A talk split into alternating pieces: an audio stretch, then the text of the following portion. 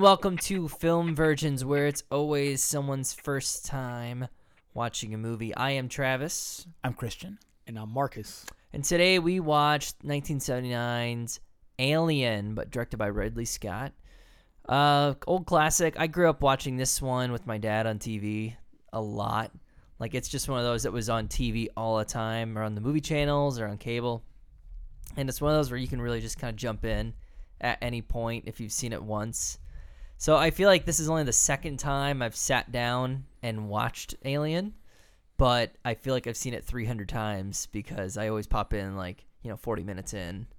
Uh, I forgot how, you know, the uh, parts of it in the intro and how it kind of builds. And it was kind of fun to sit down and watch that all the way through. Today's virgin is Christian. Christian. What did you know about Alien going into this? So, um, I knew it was sci-fi. I knew that there was an alien that was an antagonist. I knew it had Sigourney Weaver. Um, and uh, I guess I always kind of thought of it in my head, kind of like I thought of, you know, 2001: Space Odyssey, which actually I have also not seen, but uh, just kind of assumption of more of a minimalist space movie, um, and uh, maybe with a little bit more jump scene added. Um, and uh, I guess that's all I really had context wise coming in. Uh, also, I did see Prometheus, so there's a little bit of uh, a little relationship there. So The episode not- one, Not a prequel. Not a prequel. that's right. just just a completely unrelated, film. unrelated film Entirely. with some similarities. It was the episode one, the Phantom Menace of Alien. IMO. Uh, Marcus, what's your connection to Alien? What do you, what, Um. So yeah, Alien is a uh, franchise that I was connected to as a kid, having seen Aliens multiple times and yeah, loving James that one. Cameron's Aliens. Yeah. Um. So I can't. It's it's weird because I remember seeing Aliens before having seen this one, Alien, but I can't put a finger on when the first time I saw it. But I only maybe saw it two times, like like you said, sitting down and watching it. Um, the last time before tonight watching it might have been maybe like five years ago, Hmm. something like that. Um, but but yeah, I mean the xenomorph. I always thought that that thing was kind of cool, and I also kind of like hated it at the same time. Um, which might just mean that the character designer, I forget what the dude's name is, super Uh, famous. H.G. Uh, Giger. Giger. Yeah, that's right. Yeah, Giger just, might just mean he did a really, really good job that I have sort of an ambivalence towards the uh, xenomorphs, Hmm. which is what the alien is called for any of you that don't know that the, The- alien in the franchise The is- black thing with the bastard blood. Yes, the nomenclature Hmm. is xenomorph. So yeah, that's that's my connection. Christian, what's the plot of Alien? So it's about um, a commercial space freighter, a crew of eight plus a cat, and um, they're delivering cargo. Um, The Nostromo. N- Nostromo, yes, and they're supposed to be in uh, looks like something like cryostasis for most of their journey. Um, and uh, they pop out early, but the movie really focuses around um, two of the crew, Parker and um, yeah, Parker? yeah, as their their fight for equal wages. it's it's really a union story. Parker and Brett. uh, yeah, no. Um, but so um, uh, they actually come out of cryostasis early because they see a signal. Turns out it's alien life. They land. They encounter the life. They leave, and then the life starts to get feisty. Uh, and that's pretty much the plot is a survival tale trying to get back home without dying too much Not too much. not too much just mean- the right amount The right amount. yeah Um, yeah, I, I, I, I agree with that. I think this is a really great film. I still think, gosh, the creature design is just of the xenomorph is timeless, along with the eggs and all, all the art inspired by uh, Giger is just so fucking brilliant. I don't know if there's anything that has matched it in terms of weirdness, creepiness, but also just like makes you want to see more of it, even though it's terrifying. It's it's I find it weirdly attractive. Um, Was he responsible for the Fraggle Rock post larval xenomorph? Kind of All- wiggles away. like all that? of this, he's got tons and tons of artwork that existed before this movie. And what the story is is that when they were in production, they were looking at different designs, and they came across his work, and um, were just like, "This is it." And so they actually hired him on as like a designer consultant. But they were like, "Yeah, you know that shit you already did, just do that." Yeah, there was one specific piece in particular. I can't remember what it was called, but um, it was basically like, yeah, that one, Mm-hmm. and they repurposed it for the movie. Yeah, and uh, this this this movie is crazy because it was almost I didn't know this. I was just reading up on it. It was almost a Roger Corman B movie. So these sci-fi writers wrote this script for Alien, and it's basically just like a, you know, Alien uh, kills everyone on the crew, right? There's a face hugger. That's how it gets on the ship. But and it was all ready to go for the Roger Corman's production company. If you don't know who Roger Corman is, he makes like the cheapest, crappiest B movies, and they would slap a title on it, put it in theaters, make it on the cheap, make a little bit of money back, but then do that 300 times a year. Put out tons of low budget movies that had like a lot of boobs or a lot of violence, you know, cheap thrills, and then and that's how they got their return. Um, and apparently there was an agent who's like, "Uh, this shit's pretty good. Like, you should hold out for more than Corman money." And so, yeah, eventually, um, it sat on the desks at the executives of Fox because they bought it, but didn't really do anything with it. And then Star Wars happened in 1977. And so they're like, shit, we got to make a space movie. and what's the script they already have on their desk? Alien. And they're just like, go, make it. Nice. And um, yeah, they went through some rewrites. Uh, the whole um, Android subplot was added by some different writers that initially the original writers weren't a fan of, but they kind of came on board after they saw the movie. Like saw the end product and realized that it was a pretty brilliant idea. And um, there was a different ending. That whole the whole uh, last little bit that we'll talk about later um, was added late in the game as a more satisfying ending. And uh, Ridley Scott came on. He was like uh, first time, the second time director. He had some low budget film I can't remember, and he owned it and made like a five million dollar movie, and it was very successful at the box office. They were trying to make Texas Chainsaw Massacre in space, and they succeeded, and then some. I- I'd say so. Yeah, I mean, they, it goes beyond just like uh, you know, it it is basically a a haunted house movie in space. But god damn it, if they didn't like set up a world that could have gone anywhere. I mean, Could have gone. could have anywhere. gone. Definitely went somewhere, but it could have gone anywhere in 1979. hmm I I think this movie's brilliant. I I love it. It is very it is very slow and meticulously paced. And there are a couple scenes that even I got a little exhausted towards the end. I'm like, okay, running through the halls for the fourth time. It's already two hours. It's like, hey, maybe make it one an hour forty five. It'd be fine. But other than that, I, I think it's great. The design is crazy good. The characters are all engaging, um, and everyone has a unique personality, and you catch on really quick to who these people are. And from then, it's just a fun who can survive the longest. So, uh, yeah, Since you talk about characters, let's jump into this. Um, something interesting that I haven't noticed until watching the original of this franchise again is that, I mean, I guess the characters are engaging, but I find it odd that it it there's this trend with every movie except for probably Aliens and maybe like Aliens 3, but for sure in Prometheus and in Alien Covenant, I won't spoil it for you guys I know y'all haven't seen Alien Covenant. I'll never watch it. okay. but there's this trend to just kind of have like these crews that the power structure isn't quite I don't know, stable or it feels like it's not stable. There's a lot of tension there. and everybody's just kind of surly at each other. They have these moments where they're like crony, ha ha, we're laughing, but you feel like that could turn at any second. Um, a prime example in this movie would be the whole talk of the two. I guess they're the contract contracted engineers of this ship who basically don't work like they're hired by the company, but they're not actually a part of the crew properly. You know, and there's this whole scene that starts off talking about like we want bonuses. Get us these bonuses. We ain't doing no work unless we get some bonuses. So it's kind of like, okay, that's a thing, but it's like, mm, how how far is this gonna go?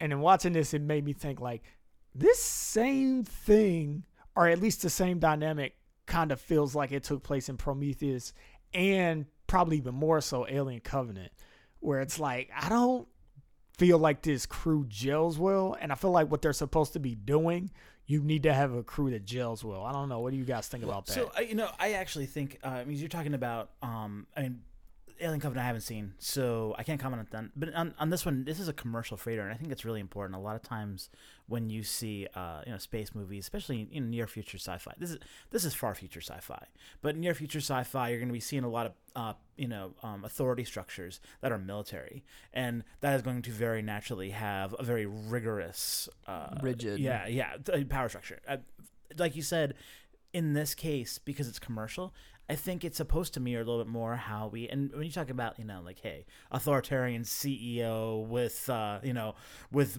board you know approval and lots of flexibility, yeah, they're gonna own the place. But when you're talking about like middle management with maybe some subordinates, maybe one or two other middle managers, things get a little bit more nebulous.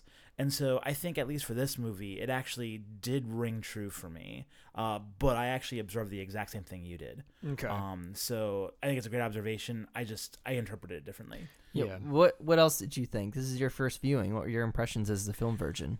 Um, so um, this might be one of the first legitimate films that we've watched. Um, at, at Film Virgins, and I think it shows. Uh, fundamentals are fantastic. Direction is great. Uh, the acting is really good, and I knew going in to expect a lot. I had high expectations from, from Sigourney Weaver, and she delivered. Um, what I did not expect was Ian Holm and how amazing he was. He's great. That's uh, Bilbo Baggins for those of you. But more he's passed importantly, his away, right? role in uh, Fifth Element. Uh, oh yeah, he's like the priest, The- yeah, the Yes. priest guy of the elemental religion, whatever else called.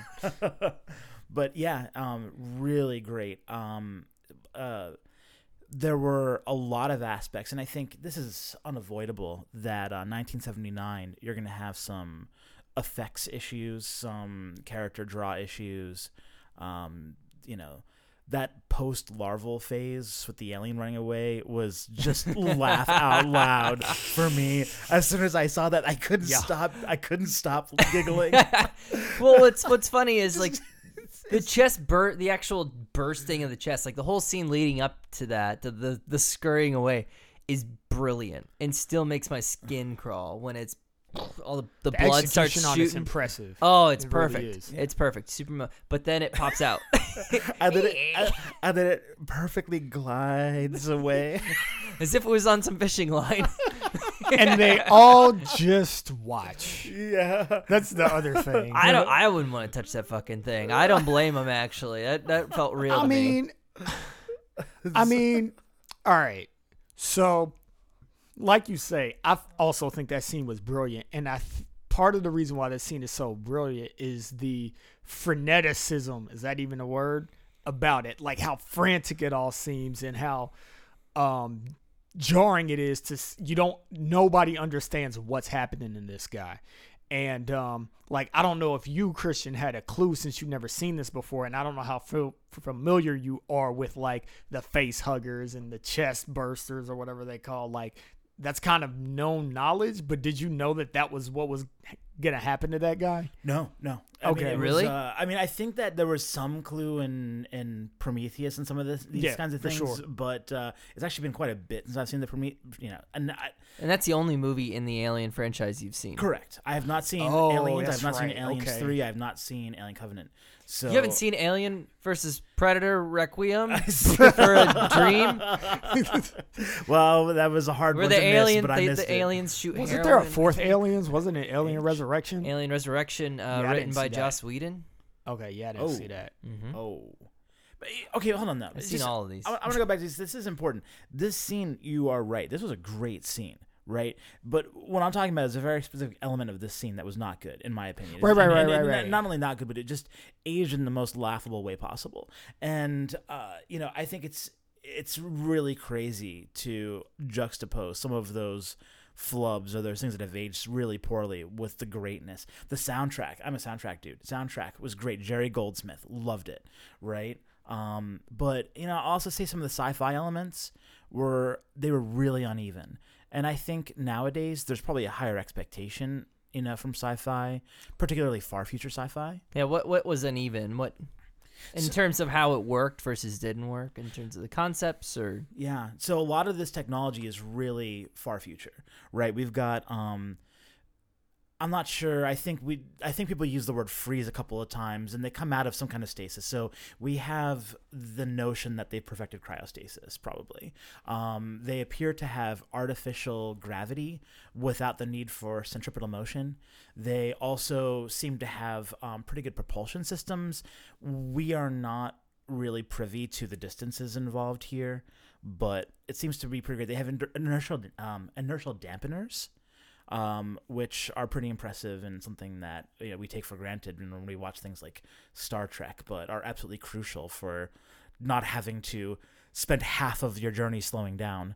Um, and uh, they also have technology like, uh, well, androids with pretty darn good artificial intelligence, right? But and that's um, just as as one example of unevenness, they have uh, in this universe. Well, one of the characters is an android, is an artificial intelligence, and uh, is well, at least for me, I think the expectation for the viewer that we completely plausibly human. That's how good the technology is. Meanwhile, they have an artificial intelligence computer in a room that's composed primarily of Christmas lights and appears to be just the most dense machine I've ever seen. It's just kind of one of those machines like error. This cannot compute, and it just I'm like, like, where did this come from? It's basically a Commodore 64 with a slightly less good interface, and I, I don't, I and guess, exists to like accept emails right, from right. the corporation. No, it's looking up at emails saying, "Wow, that's big technology. We're not quite there yet." so uh, something else that I noticed, uh, you have um, Blade Runner actually uh, steals a little bit. So it's also Ridley Scott. He takes the um, computer clicking noise with him, where computers slowly render their text to the screen like a dot matrix printer, and uh, emanate a laudable, laudable. That's praisable. No. Come on. Yeah. an audible click. And kind of As if like there's some Yeah. mechanical parts Yes, that yeah. are required to Yes. produce information Yes. or computations. and it's not as if you know this is the kind of thing that is widely predictable that we're going to be able to move beyond that technology and this is 1979 right which means that wizard of oz came out 30 years before that so there was plausibly screens generating really good pictures with color 30 years before that surely you could predict that a far future universe would be able to do that maybe in a smaller form factor I and I, that's what I mean by unevenness. There's not a lot of attention paid to that, right? Um, and um, you know, Yeah, it did seem odd that the captain or whoever was acting captain of the ship at the time was the only one who had access to Mother, but it required them to go into this like future bunker with all of its Christmas lights, and then the only way that you could actually interact with this supposed giant of artificial intelligence is through really basic elementary prompts, and then half of the questions it couldn't answer. It's like No, you- if if you're the ship that's like in, if you're the computer that's in charge of running the functionality and communicating with the leadership, like on the ship, then you should be able to function just as well as the android. Actually, pr- maybe even better, at least, you know, in your computing power since all your function isn't going to like how do i make expressions so i seem like i'm a human? How do i walk? How do i like blink and turn my head? Like no you're just computing. That's all you're doing you should be better and you shouldn't be restricted to this one weird white bunker room it didn't Right. that doesn't make much sense So I'll I'll defend the computer. I'll take the defense in this uh, court. Oh my of- goodness! Uphill right. battle. I am defending this computer. So, as a plot device, it exists to communicate information from the unseen, but uh, you know the influence of this company is strongly felt, never seen. So, it's basically exists to communicate to the audience the the wishes of the powers that be, and to dictate the situations on the ship. So, to tell the characters what they can and can't do, tell them that you know they are expendable. All these are plot devices, right? To inform the audience and further the plot along, and so the characters make decisions based on those messages re- received.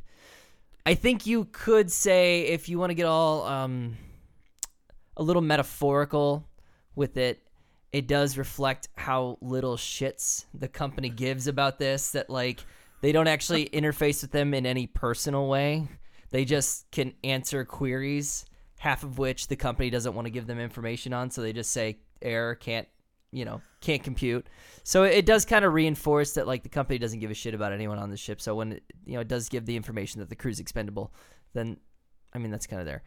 Also, I don't think anyone else is supposed to have privy to that room except for the captains. So hence why it is kind of private and sectioned off because the company only wants to interact with the you know the middle management of the ship. So, I mean, I, I would. What are some other creative ways that the that you could c- convey that the company is cold and unfeeling, doesn't care about anybody on the ship, um, and then also like bark some orders to I don't- the plot. Well, I don't think we're arguing against the existence of Mother. I think Mother is kind of essential um, to kind of like the plot and giving a view into the future. Like I think in 1979 to have a computer called Mother, that's kind of a deep thing. That's like, whoa, what what is a mother? It's the one who rears you and takes care of you and oversees what you do. So I like the idea of it. I think really the only thing that Christian and I are criticizing is the functionality of Mother. It didn't really seem to be it it wasn't impressive. Oh, and no. hindsight's always 2020, but at the same time, it's kind of like when you're dealing with sci-fi, if you want to make things that are timeless, or even if they're not timeless, um, conceivable, convincing, it's kind of like you know, be be even, as Christian was saying, with the technology and how it's portrayed. Definitely for Mother being in the movie, 100%. But she seemed rather to use uh, Christian's word, dense. and, and that's i mean I, I absolutely absolutely. And i think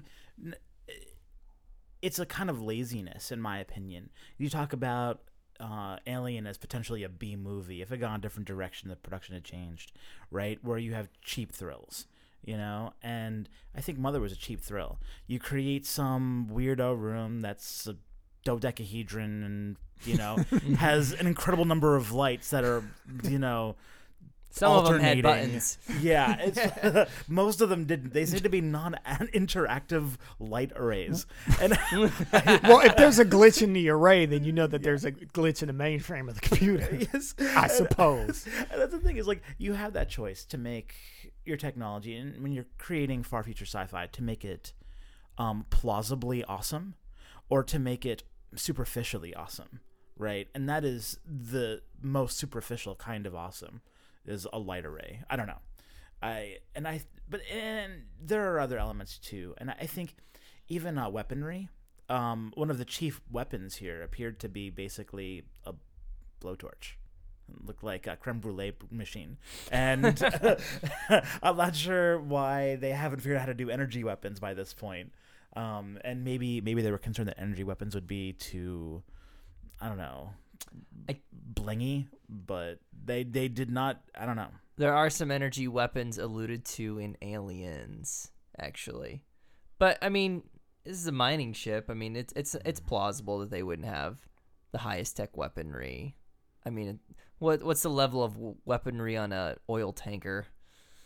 Well, if someone brings like a rocket launcher, Right. then that's the best weaponry on there. Right. And you know, the the guns that people would just have on them would probably be among the best technology. Hmm. And there's no reason not to have really great weaponry on you when you're on such a mission. I mean, it's like if you if you can afford, you know, the uh, the gravity machines. Oh. it's good.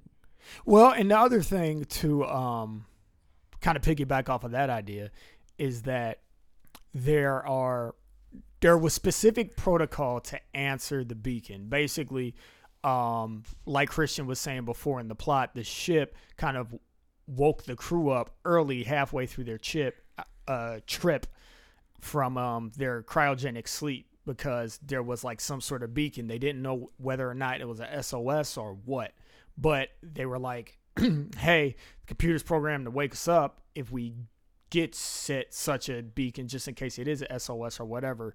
Turns out it was a warning. So I'm kind of thinking that if there's a protocol in place to kind of deal with that, and the fact that when they answered the call of the beacon, went onto the ship and they saw an alien life form that was dead, and they didn't go, "Whoa, what is this? Is this new life?" They're like, "Oh, it's an alien life form. Hmm, he looks dead.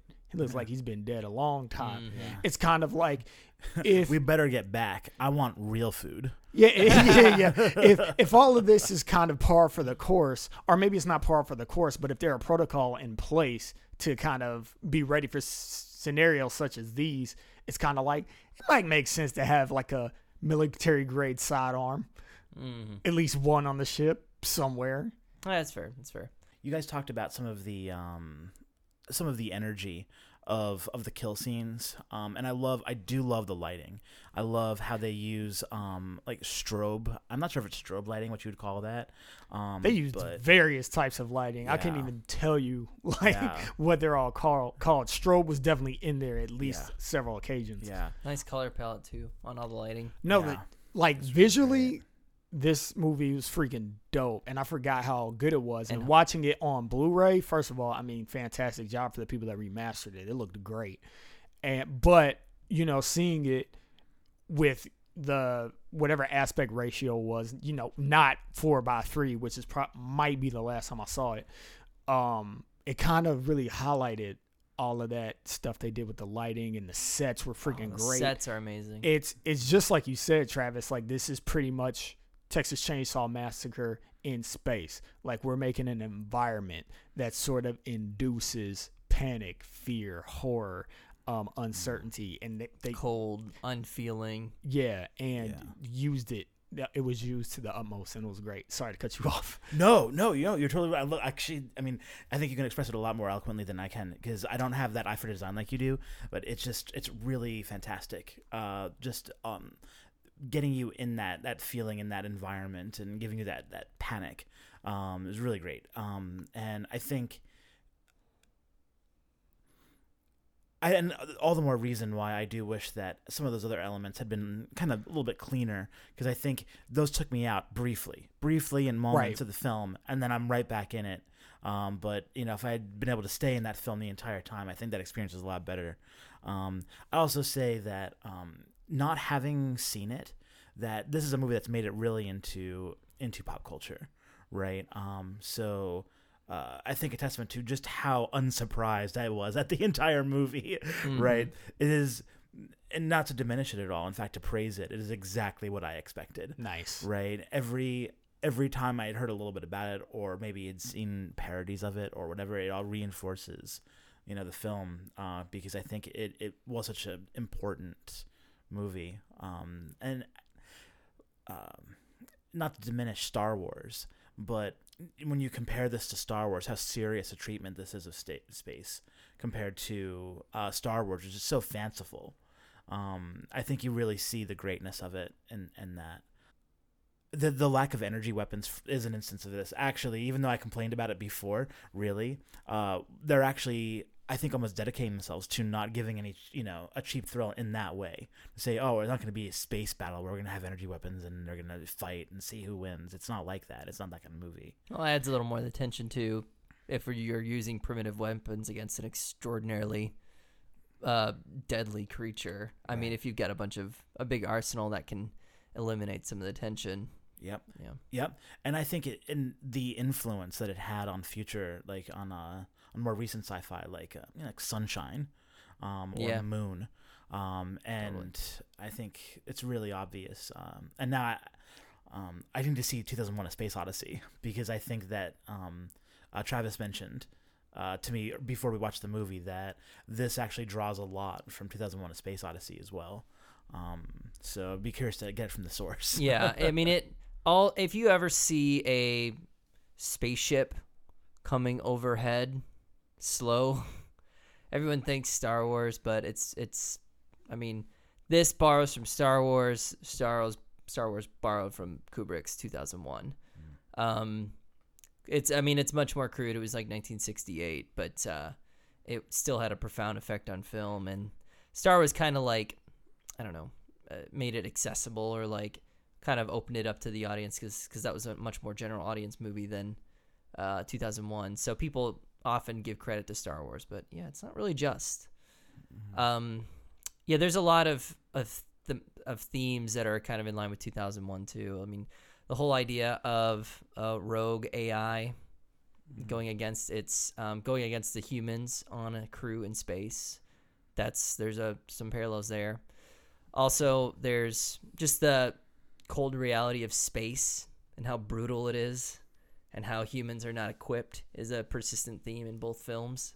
It's a very interesting decision that we don't ever get a true sense of the size of the uh, commercial vessel that they're on, but you get the feeling it's huge. Yeah. Like it looks like a um freaking just like a space born I don't know what I'm looking for, like an oil rig, but like four gigantic ones put together Yeah. is is kind of what it looks like. And it's interesting that for that vessel there were only seven or eight souls and one android spoiler um, on the ship and i think that that kind of just further increases the sense of gravitas of space the coldness the isolation and the fact that like there are so many different parts to the ship so many different rooms you have really sterile looking far future sci-fi stuff and then you have things that it's like oh okay that looks a little closer to you know if you go on an oil rig or like whatever engine room and where Exactly. there's chains and condensation from heat Yeah. and yeah. and the air ducts have camera apertures that open and close and they're really rusty and make a lot of noise when they open and close but uh, I, I'd like to think of them as little itty bitty buttholes. they could also be that too um, if your if your butthole sounds like Does yours not? After Taco Bell, it kind of yeah, does. it's rusty in there. okay so i have a question Yeah. am i the only one that thought it was weird that there's a scene where um, this older guy he's looking for a cat because they need to find the cat so the cat will stop moving because they're trying to detect any movement to see if they can find the the just recently chest exploding larva poopa thing whatever it's called. Um anyways he goes he's looking for the cat and he's in this room. It has a bunch of hanging chains. It's dripping water. There's a skylight but they're in space and I just thought that was I thought that room was weird. I felt I felt like if there was any cheap cheap thrill that was in this movie, it was that room. I don't know how that room would have been functional in any sense. But I'm also not a mining guy or whatever they did. So what did y'all think about that? Am I the only one that thought that was strange? It. I think it's it's just to set a mood. I think it all serves to you know set things up, set up for a big scare. You even have like those chains that kind of are used as camouflage for eventually when the aliens like tail creeps in. Right. Um, so yeah, I I I would say it's yeah cheap thrills. I mean, perhaps I mean I don't know the physics. No physics of the spaceship are explained. Uh, there's no Geordi to give me some details. Given that there appears to be artificial gravity, the physics are not especially different than just regular old physics. Yeah, my gripe isn't the physics. It's not that the No, chains are hanging. no. It's just that there are hanging chains Well, in general. no, just- I mean, as far as like what would the utility be with Right. such things in that environment? But I mean, it's a cargo ship. Maybe they're useful for attaching the cargo, um, or or like lifting cargo into it. It might have been like the airlock where they actually pull the cargo in. You attach the chain to it and then roll the chain up. It's plausible, but I'm I agree with both of you guys. I think it's yeah. I think they they might have come up with some explanation why it's feasible and why it should be there, but ultimately just made for a damn good scene. yeah, mm-hmm. which it did. I mean, they succeeded. It was just funny. Yeah. And by the way, another movie that pulls from this, Jurassic Park. Clever girl. Like I don't know, I don't know. I kind of felt, I felt like that that scene, that moment, just a little bit. Just I was little thinking bit. if you're gonna remake this on Earth, it would be a raptor on an oil tanker. Yeah, just one, one Just solitary one, raptor. One solitary. the movie would raptor, be yeah. called Raptor. yeah. Yeah, I'd watch that. I Jurassic watched the Park, the shit out of that prequel. movie. Yeah. Actually, now I want it to happen. I'm mad they did Jurassic World. They Yeah, should be just out did in the Raptor. ocean. and be out in the middle of the ocean. That would be like the Earth. Like the first 30 minutes of the movie, everything's just fine, and then all of a sudden a raptor shows up. It's like, wow, why did that happen? um, let's speaking of buttholes. Yes. Let's talk. Let's talk about me. let's talk orifices and phalluses. Oh, I How didn't. many vaginas did you find in Alien? Actual ones or or things that vagina, was like one? things that resemble vaginas, things that Oh. resemble penises. Oh. How many did you hmm. find? I find more and more each time I watch. This I didn't. Film. You know what? It was funny. I didn't find a whole lot of vages, but the the the phallic thing, yeah, there was one scene, and it was it's oh so subtle. It's when they're on the ship. They the ship that's sending out the uh, warning, not a distress beacon, but beacon, but a warning. Um, there's just this one room, and it's gonna be super hard to describe. But on the floor of the room, where it comes to the wall, it's not like a corner. It's not like flat floor, 90 degrees up, and then you know the wall. It kind of is like a semicircle thing happening, and there are these ridges. So it's kind of like this ribbed thing happening, and I'm looking at those things, and I'm like. Those are dicks, like, like, cause where they kind of end, and Yeah. then the rest of the wall just kind of keeps going up. It's darkly lit, but there's like these knobule things on each one, and I'm like, that's kind of dicky. Did you see where they walk into the alien sh- when before uh, they find the eggs and stuff? They're exploring the down ship that sent the distress call, and they totally walk into a vagina. ah They totally walk into a vagina. Ah, Didn't catch Those it. eggs, eggs even look a little female-ish, and then when they find when they cut open the face hugger, it's got all these holes all over it. Yeah. I, I s- all I see all I see is dicks and vaginas. Maybe it's because I've seen a, too many film analysis about this, Well, it was kind of like a little tentacle-y too. I mean, the face mask, is- m- mask itself, and it was supposedly feeding it oxygen with a tentacle down the dude's throat. Yep. Mm. And then there was the Definitely not android consensual. that tried to like choke that choke Sigourney Weaver with a rolled up newspaper. and shoving it in her mouth. Yeah, that was like Yeah. the worst way to try to strangle somebody. the ever. weirdest way. Like you have a hand, Yeah. they have a throat. So, all right, here's here's the thing. Explain this to me. Um, then we can go about go back to talking about genitalia. I got Um, a lot of let's thoughts there for a while. he so he was like freaking out, right? He was like it seemed like he was acting weirder than normal right before he did that. Right before he decided that, you know, she had to die. He started manhandling her. Like is there any sort of indication as to why he was like glitching out and No, no, no, no. My my understanding is that he was going to put on the facade until the very moment that he realized she had found out the protocol for alien discovery, because she, she went. She was she was in Mother looking at the the light Lights. arrays, the Christmas lights, Yeah. and uh, the Christmas lights told her that the protocol for finding alien life was that the crew was expendable Right. and that you get the alien home at all costs. And he sees that she finds that out. The moment that that happens, then he goes off his rocker. And basically, it's like he needs to silence her. But what would be the explanation for that, as opposed to just going like, "Okay, you die now," while he like throwing up and perspiring his white android fluids and like ring, bong, ring, bong. Well- like like why isn't it just like all right your neck cracked like why is he like glitching out and he like throws her twice and it's like you're not really efficient at killing are you mr android I don't think they are, and I think this is one of the little plot holes because you get to uh, the one of the many reasons this movie is that that Prometheus is awful and is a bad prequel.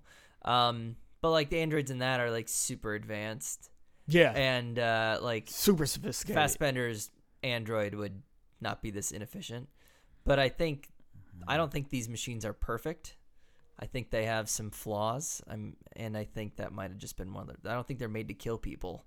They're made typically to serve a ship in one capacity or another, either as a known android who might have some uh, you know, things that they could do that a human couldn't, or or as in this case, as to be um, a vessel of the company when needed. So I don't think they're necessarily made for murdering.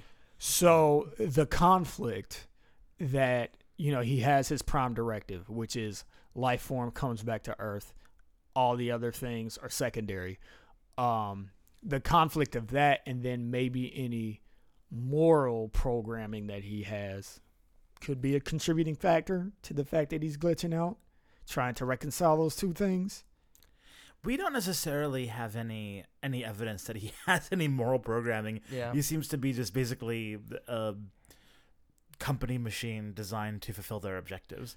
Like this is not like an Asimovian like do no harm to humans kind of thing. This is this is true. I'm just trying to. I'm Yeah, just some- spitballing. Yeah. as you know to some theories hypotheses whatever you want to call them as to why he starts because you're he right had too much heavy whipping cream for dinner. that explains all the symptoms. here's something though all right this is this is probably me being far too analytical but i'm gonna say it anyway um he's talking about the specimen right that he wants to keep alive and then the one girl that whines all the time you know as he's uh That's her trait. yeah, yeah, yeah. We'll have to do some uh, imitations of her because her hil- it was hilarious. It was just so bad. That was B movie worthy. But anyway, to the point. Shelley Duvall, basically from what is the name of the movie? Jack Nicholson. Um, Mm, Shining. movies. Shelley Duvall. Oh, That's yeah. basically this lady is. It's great. But um, but anyways, the android is explaining, you know, about the element, calling it like a perfect specimen or blah blah blah. She says, you you you admire it, basically, kind of question mark and also a statement. And he's like, I admire its purity, um, and basically disregard from any morality or compunction to have ethics. like it does what it does, pure and simple. It's not a matter of good or evil. It's a matter of survival. Mm. And could you say that part of the reason he admires it is because anytime he wants to just kill somebody, he starts spitting up white stuff and glitching out until he gets his head knocked off with a fire extinguisher. Which is like that's a weak design. Well, like you what I'm- couldn't even knock a human's head off. Well, that's a- what I'm saying. I think he was quite defeatable for the most part. And But he was strong as shit though. he's strong as shit, probably to fulfill certain tasks on the ship, and, and in very rigid ways. He was strong. He's not a Terminator, No. and I think Yeah. that's just to reaffirm my point. Is I, I just don't think he's a murder machine, and so he's just not very good at it. He's not even that strong. He's like normal strength for like a large dude, except he's just in the body of Ian Holm, who's a pretty small fella. And so, yeah, it's not like it's not an order of magnitude. It's marginal. And the only reason why he wasn't able to maybe think on his feet better is he didn't have enough Christmas lights.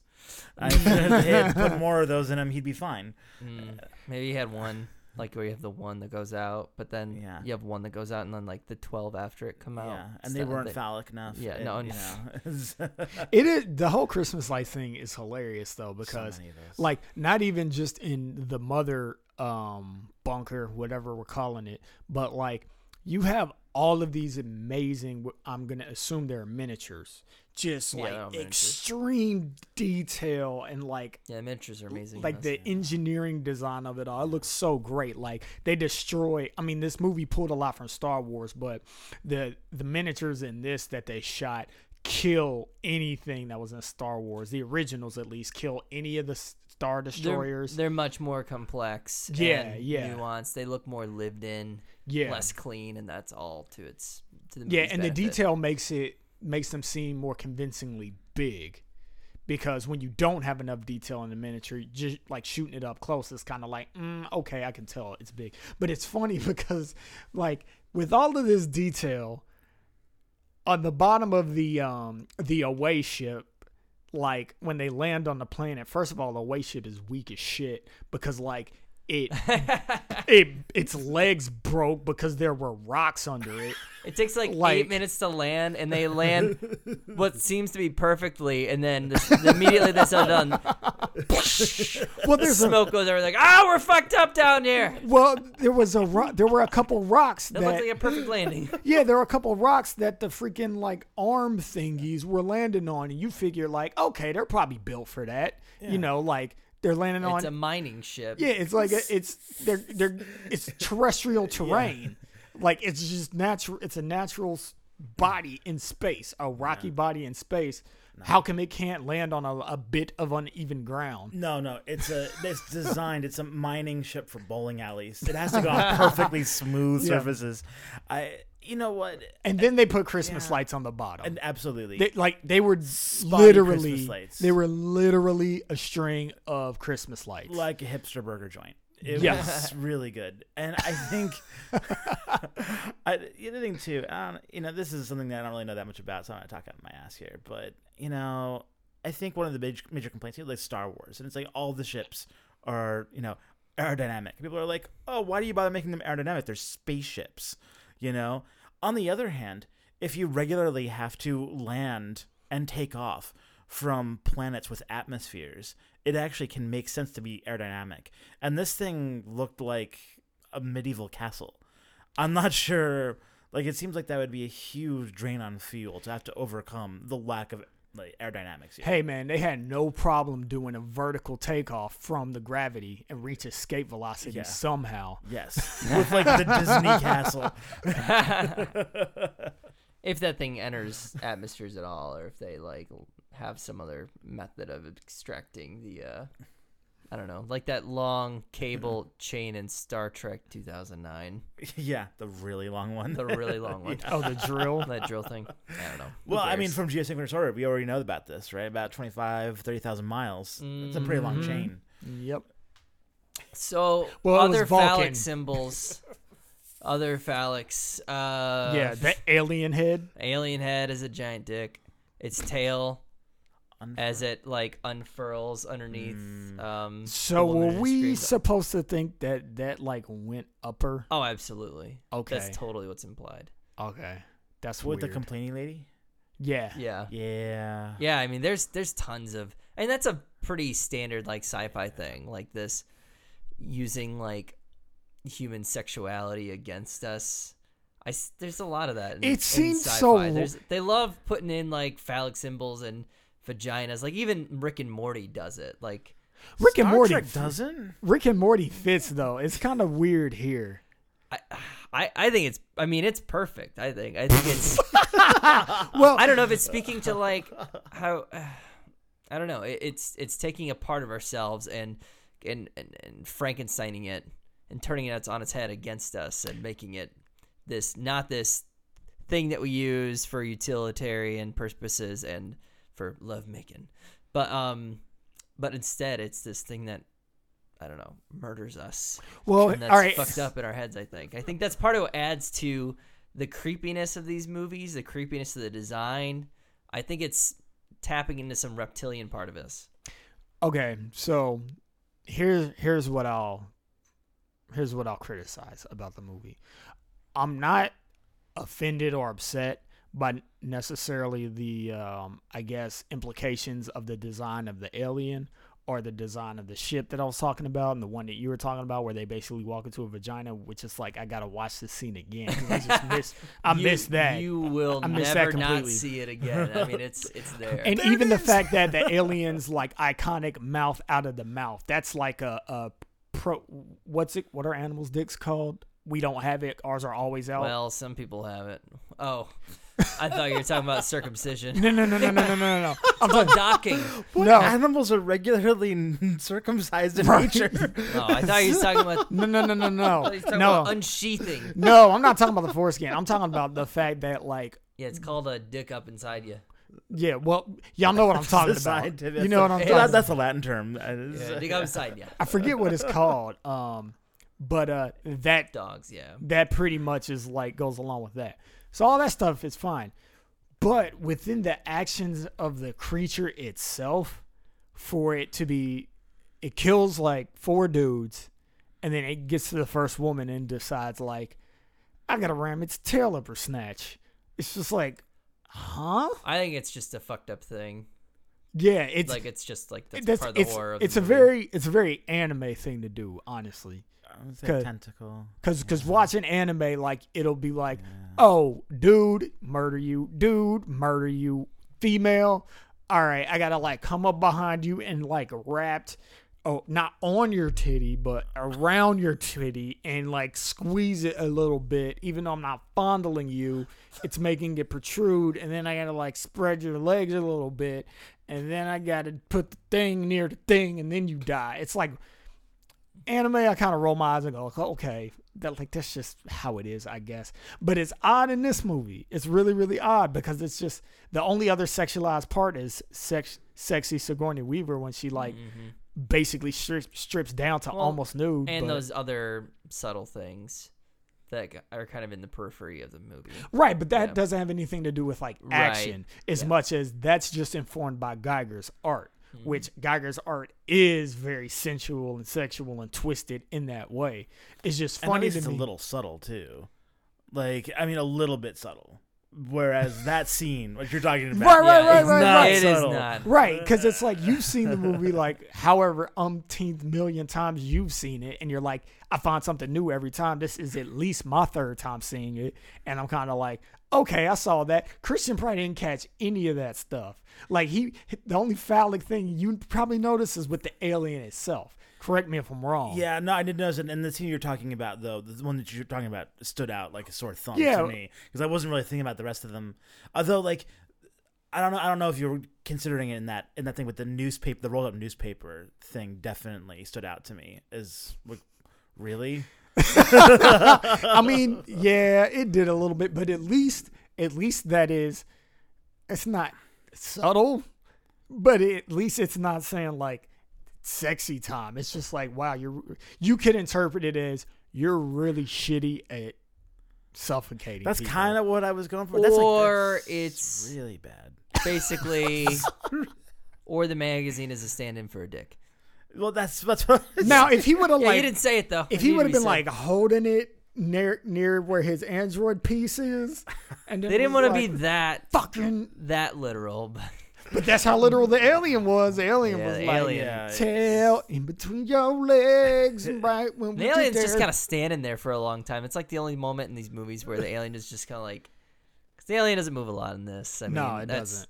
They don't really move until the second one. You don't really get to see right. them. And and and I think it's a little bit jarring to me too, just because like this thing is supposed to be expressed as like the perfect, pure being in its hostility. To me, it should be nothing but hostile.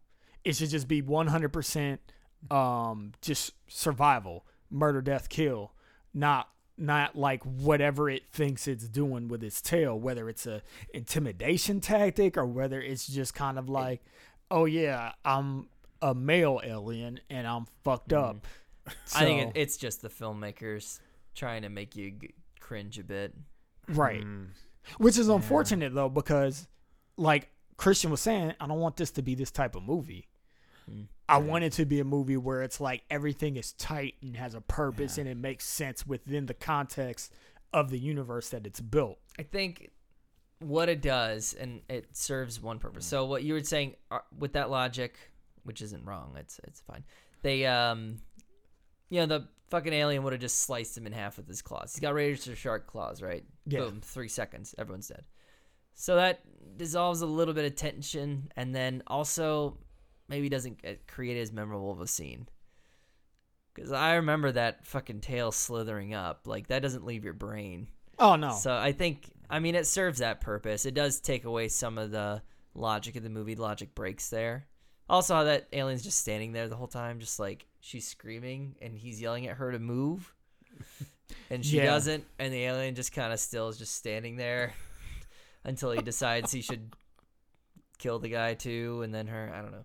Was a weird. This weird. That scene plays out a lot longer than I remember it. Yeah, there are a lot of scenes that play out a lot longer. Like when the dude, the the first um confirmed kill by the fully grown xenomorph, the guy that was in the room with the chains that didn't make any sense, and he just is like letting the water hit his face, which is like, all right, I can understand that. I guess it's hot on the ship because everybody's sweating the whole time for whatever reason.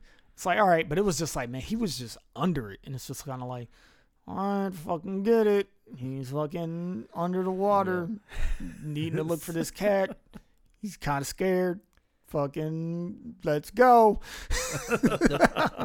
The first cut of this movie was three hours. Oh, that's God way too long. Damn. The current cut feels too long. The current cut's and too that's an hour less than that. Yeah. It's under two hours right you now. thought Sigourney Weaver ran through a lot of hallways in this one. Well, In, in all the interviews, hallways. in interviews after filming, she's like, "Fucking, I hated that movie. It kept making me run. I swear, I run like a marathon's worth of these sets." hunched over because like they're not quite tall enough for you to stand up in, Yeah. depending on some of them at least. Okay, can we can we talk about the Rube Goldberg self destruct sequence? Like, Yeah. I, so you made that reference when we were watching the movie. I don't know what that's referring you know to. what? I should probably like. You know what? I'm gonna I'm gonna I'm gonna I'm gonna get a real definition here so that we don't. uh Okay. You don't You know, I feel like this is check a little worthy. This is worthy of the real deal. So while you're looking at that, um, one of the other criticisms that I'll have of this movie, and by the way, I gotta say, like, even though I'm picking it apart, I like this movie. It's it's great. It's enjoyable. I love it. Um, but uh, like when it came time to the real meat, the action, the release, because the release of all these films is gonna be like when the thing that you're scared of happens. That's that's what release is. Like this is one of those instances where the movie kind of shows its age because they weren't cut very well at all.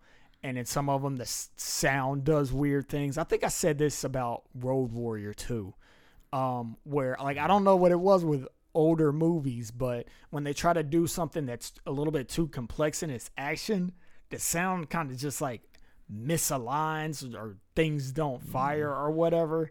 Like, Flaws in ADR. yeah, it's just it's just weird. I don't know if you guys were bothered by that, but it kind of stood out. There's a few scenes. yeah, It stood I- out dramatically to I, me. I definitely heard those for sure, but I actually kind of wondered in my head if that was maybe an issue of the HD transfer. If there were a lot of the scenes that they were able to improve the quality to maybe get around some of the, um, if they were actually able to improve some of the audio, and then other scenes that they just couldn't do anything with it, it was so mangled or whatever, and they had to leave those ones alone. And so it actually, as a byproduct, increases the contrast between good audio and bad audio. And so in the middle of like, oh, this is really great, and then all of a sudden it's like sounds like a '60s, you know, soundtrack or Right. '60s sound effect. Mhm. You know, the Foley guy. You know, using the coconuts to simulate like an engine taking off, and uh, all right. So, um, Rube Goldberg, Rube Goldberg. best known for a series of popular cartoons depicting complicated gadgets to uh, perform simple tasks in indirect, convoluted ways, giving rise to the term Ah. Rube Goldberg machines for any similar gadget or process. Nice. I So, got, Mousetrap. yeah, Yeah. got a new one to add Yeah. to the repertoire. Yeah. Nice. So yeah, I mean, it was you know, it was like all right, like three different. I understand that there's maybe some value in keeping it complex, right? But you know, there was like three different huge levers all over the place, and then it opened up another box with four different like orifices. That's just, and then I guess probably another phallic thing. Mm, all all, all Yeah. the penises. Yeah, it had to be inserted into Those- the orifices. I just saw pistons. screwed I thought they were like, uh, like you know uranium rods or something like Yeah, that. I- yeah, Yeah, yeah. yeah. I was kind of okay with it. I don't know, but like even there, like even you know, even with our right now, with our technology, with nuclear weapons, it all is gonna boil down to like, you know, two keyholes and a button. You know, Right. I mean, probably. I don't know. I guess I've never launched a nuclear bomb, but anyway. yeah, I mean, you're you're right. It was super complex, but um, I mean, I think like you say, really the way that I guess you can explain that away by saying like, look, this is something that you're not supposed to do ever. This is like a worst case scenario. So we want to make sure if you commit to this thing, you commit. However, I do think the whole um canceling or overriding the self destruct sequence should probably be a little easier Yeah. because it seemed just as hard, if not more so. Right. And and one final thought on that is the I'd say some of the worst effects of the movie, and there were a lot of boners in this one. But the worst one was actually when it exploded, when the self destruct Yeah. went off. I mean, it was like this Technicolor smorgasbord of you know. Yeah, it was bad. It was bad. yeah, like it was just straight out of Wizard of Oz. Yeah, and I mean this was after Star Star Wars as well. It's like um you have a great reference. like for like a, a huge space explosion and what that looks like. One thing that I thought was weird was it definitely seemed like it was uh, some sort of like subatomic react reaction yeah, yeah, it was definitely like sort of nuclear some explosion. sort. Yeah, yeah, yeah. And it's just kind of like, you need all that, bro. like, like, like she had to be so far away. Which, I mean, I guess she, her, the shuttle was continually accelerating, but it took her a long time just to get from out from under the ship itself. Yeah. Um, so it was just like I don't like, man, like, like you, it can be destroyed. You don't have to destroy it that much. you, you know, it's like you don't have to use like Moab or anything to blow it up. Like it's cool, man. Like just start an implosion sequence, something. Can we do this a little bit cleaner? Can you consider like the empty space around you that might not be so empty? I Yeah. mean, I don't know, man. Humans are always just fucking up stuff. Gotta litter Earth, then we gotta litter space too. With our overpowered explosions. Yes. yes. Friggin' Earth. Well, another effect that I'll actually um, criticize a little bit is we talked about how the alien doesn't move much and how the attack scenes and the scenes of action were a little bit They lackluster. kind of suffer because of that. Yeah, like it sucks because it's they seemingly didn't want to use animatronics. They just either use an actor or a thing. It was puppeted. Like they would just use parts of it. They would just have the Yeah. arms and the head, or they would just, you know, have the tail, that kind of thing. So there's one quick cut. It's not even a second long, but it's long enough um, where the alien is pursuing slowly because it doesn't pursue any other way its victim. And I think it might have been the uh, whiny girl that it was pursuing. And it literally just kind of looked like a big puppet thing was on a track and moving. So that's probably what it was. Yeah. And it was just kind of like, ooh, okay, that one was bad. That one was bad. And I think what would have, what this movie could have used to make it like to launch it like two percentage points up in rating is just like, don't ever show it. Don't ever show it to the very end. And even when you show it, show it quickly hmm um, because so much of this movie is about the build. Like this isn't Aliens, this isn't James Cameron. Aliens is just straight up like Shoot sci-fi shoot 'em up action. Love it, it's great. But this this is not that. So I always hate it when movies like this that are built on the mystery and not even just the terror of it, because terror is what you see. Horror is what happens in your head. Horror is imagining the bad things happening to you, and it's like a lot more Well, traumatic. Yeah, like Jaws. I mean, once you see the shark at full size, it's like, eh, Yeah. right. Yeah. I mean, it's big, and but it, just seeing the fin is like there's still some unknown there. Yeah. It's it's it's the proof of presence, but it's not the proof of what it actually is, what you're actually dealing with. All you know is danger. You don't know like you know, twelve foot shark or however big Jaws Mm-hmm. was, probably bigger than that. But um, but yeah, what was my original point? Yeah, Uh, I- the I wish- movement and the alien is tough. I think that is probably the well, I mean, between that and the Christmas lights. Uh, I think most of this movie holds up. I think with a modern audience could enjoy this. They'd have to be patient, just because movies aren't paced like this anymore. No, they're not. I mean, at least not like big budget Hollywood movies aren't anymore. And even the dialogue in this movie was wandered. You know, just the interactions with the crew. Like a lot of the times, like they're just all engaged in like ambient conversation where you can hear bits and pieces of what people are saying. Somebody laughs, somebody chuckles. And it's kind of like, what's the point of this scene? The point of this scene actually isn't necessarily to be exhibition driving the plot and going like, this is who we are Right. this is what our roles are. It's more just kind of like, okay, this is the crew. Like this is your team that you're dealing mm-hmm. with. Well, These get are to the know players. these people. This is a movie that they're in. Right, pretty Which much. We don't really do that anymore, or we do it in very simplified ways. Yeah, th- or we, you'll have like two seconds devoted to that, or it'll be a montage to just set the scene. Like, hey, guess what? We're at a party. Everybody's smoozing around and doing their thing. But guess what? Something's gonna happen. Ultron's about to show up in a second. Just wait. They don't. they don't complain about their union contract in, yeah, in uh, big budget Hollywood films anymore. It's something we've lost. yeah, yeah. The the new ones are not political at all. No. um. All right, so let's get into recommendations because I do think this is a classic movie, and to shit on it, as we have in some moments, is actually kind of heresy in the film community. But I do think it is reasonable to talk about whether somebody who watches this in 2017, I always go back to like thinking about like a 16 year old saying, hearing about this movie and how great it is. And and wondering how it's going to be received. I mean, that's why we do this podcast is to talk about those fresh viewings and whether the movie holds up. So, I mean, this is a, such a brilliant movie in some regards, and in other regards, you know, it shows its age. Christian, who do you recommend this movie to? Number one, um, and I'm actually I'm in this crowd. I love uh, Moon. I love Sunshine. Um, a lot of those minimalist sci-fi um, films that you know kind of take you through a very small part of space, and you know there's no context for the rest of the world. Um, you just you're in this little pocket of the universe alone in the darkness, and this is that. It's fantastic, um, and in a lot of ways, maybe the progenitor of those films, um, along with 2001 uh, and uh, absolutely recommend it. You know, to anyone who likes Sunshine, who likes Moon, um, who uh, you know, just looking for that kind of adventure, um, and also put maybe The Martian in that category too.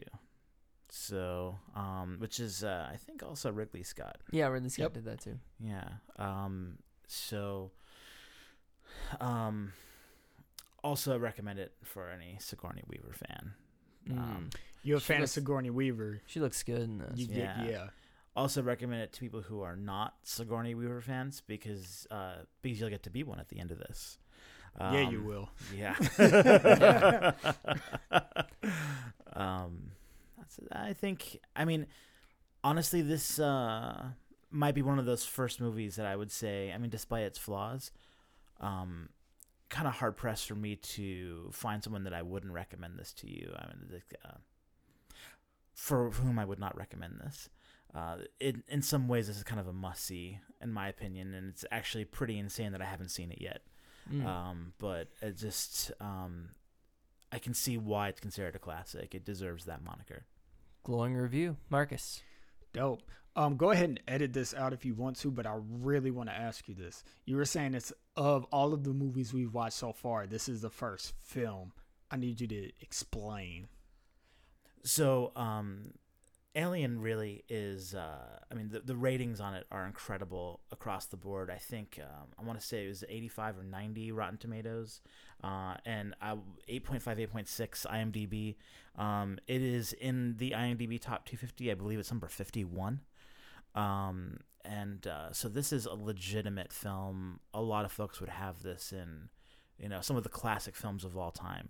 I, I don't think you can say that about any other film that we've watched. Uh, you know, maybe except for Con Air. I don't think that there is Yes. um, I agree. Ninety-seven percent in Rotten Tomatoes. ninety-seven percent. It's got a. I mean, there's a little. There, Well, there's a there's a cult bump there for sure. Yeah. influence bump. Th- but that's of actually- of movies to get that bump, like it's a good one to get the bump. Yeah, yeah. well deserved. Interesting. So, film in regard to just how it's kind of received and viewed, like within the film world. Yeah, yeah. Okay. That, it has that. Yeah, it's the the we'll say the public regard for this movie rises to the level of. Uh, Gotcha. Yeah. All right. Yeah. Cool. You can't really say that of most of the things that we've seen. Right. No, this is true. I agree with that. Okay. Awesome. Um, my recommendations for Alien, uh, honestly would be, I guess two. The first would be, um, if you've seen Alien Covenant, if you've seen Prometheus, if you've seen any other of the um, Alien movies or the franchise, you got to watch this one if you haven't seen this one. Um, and that's just for the simple reason as like you got to just see where it all starts. Like you, like when I saw Scott Pilgrim, I had to read the comics. I just had to. You know, I saw the first Hunger Game movie, found out it was a book, read the trilogy. It's one of those things. Like if you're, if you liked any of those movies and were intrigued by the world, it's always just good to go back and see like, oh, you know, whatever, you know, what started this whole thing.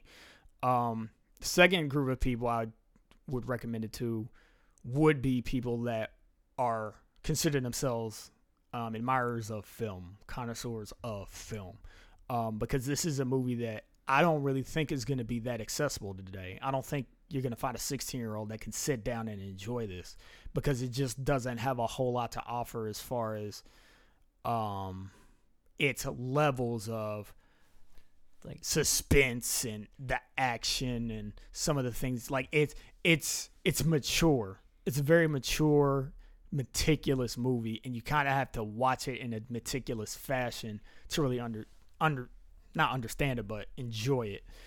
Um you know so i you know i'm not gonna recommend my nephew who's 22 to see this because he probably wouldn't even be able to understand or get it. But if you're a person that you know you can sit down with something you can marinate you can absorb the mood you watch a movie with a very careful eye and you think about what went into making a scene what went into the writing of the scene what went into world building like all of those sorts of things i think that this movie is just rife with all of that stuff.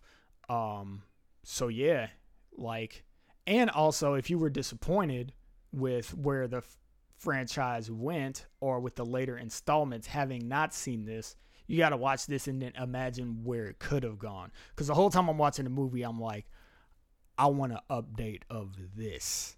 Like i don't want alien covenant. Fuck that movie. I don't want prometheus. Fuck that movie too. I want make this one just make it over and do all of the scary things with the alien that you couldn't do in this one. Like just make it look better. Make it more convincing. Um update it and make it pretty. But don't fucking make alien covenant asshole. So uh, my recommendation kind of ends with a condemnation I don't think I'll have any unique take on the recommendations. Um, I do think this is a movie for people who can sit down and guess what? If if you are 22 and or 16, just do yourself a favor, bum some Ritalin off your buddy or some Adderall. sit down and watch this Whoa. fucking No, movie. do 'cause not do not do that thing. do, do not take scheduled drugs. do uh, what you have to do to make yourself sit down and watch this because it's film great. virgins does not endorse or support the use of Absolutely not. unprescribed Dis- disagree, but uh, no. no, I think if you've got a long attention, I do think, gosh, if you're like somebody going to film school, like holy crap. oh yeah yeah yeah yeah yeah This is- Th- those it- people don't count If you They- are like anybody who's like going to school or interested in film, you have to see this movie. Yeah. It's classic. Con Air in this film. Con Air first, and Yeah. then um, and then this, and then Alien versus Predator Requiem. Um, for a dream Yeah. A, a couple of thoughts on the franchise. This movie spawned a very, very fun sequel called Aliens. And then after that, it just, the franchise got exploited and became garbage. The third movie is not really that good. Um, I don't like the fourth one, uh, Resurrection. I mean, and then they came out with the schlocky uh, Alien versus Predator movies, like, and then they tried to reboot it with a prequel, and, and none of it works. None of it works because at the end of the day, it's a simple fucking story. It's Jaws in space. It's Texas Chainsaw Massacre in space. It's a survival film. It's a horror film. And maybe that's just not that expandable. But it does make for a, at least two good movies. And I wish that we'd just be more content with that. So everyone should watch it as long as you're not, you know, like 10 and impressionable. Or maybe you should, because then, I don't know. maybe you should, because it's great. 10 year olds should watch older movies because they're actually not that bad. Oh my god, they'd be so bored. Oh, they'd be so bored. Oh, take some of that Ritalin I told you about. Uh, oh, no. Don't do that. Uh, but yeah, I, I that's a very convoluted recommendation, but that's my final thoughts. I think this these are great films, and it's too bad that everything that's spawned from them has been hot garbage. Uh, but these two things are great and worth watching still. All right, thank you so much for listening. I have been Travis. Christian? uh, Marcus. See you next time. Thanks for listening. Subscribe and look for our next episode next week. Yeah.